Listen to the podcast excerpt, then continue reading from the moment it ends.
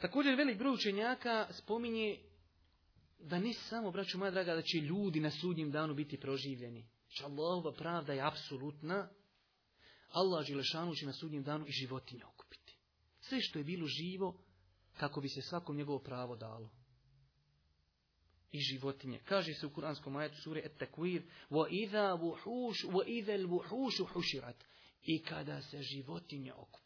Allah je opisuje sudnji dan pa kaže wa I kad se životinja okupi, Allah poslanik se ratu selam, kaže u hadisu koji zabilježi Imam Buharija u knjizi Edebul Mufred, čiji znači Imam Buhari ima više svojih knjiga, jedna od njih je Edebul Mufred sa vjerodostojnim lancem prenosilaca kaže Allah poslanik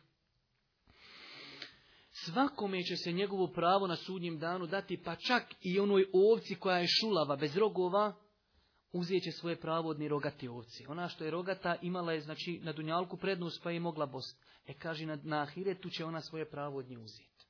Znači toliko je apsolutna Allahova subhanahu wa ta'ala pravda na ahiretu.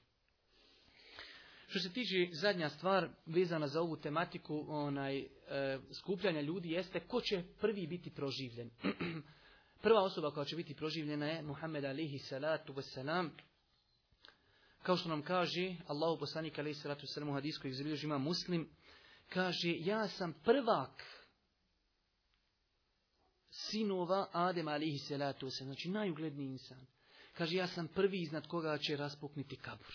Prvi koji će biti proživljen je Muhammed alihi salatu vesselam.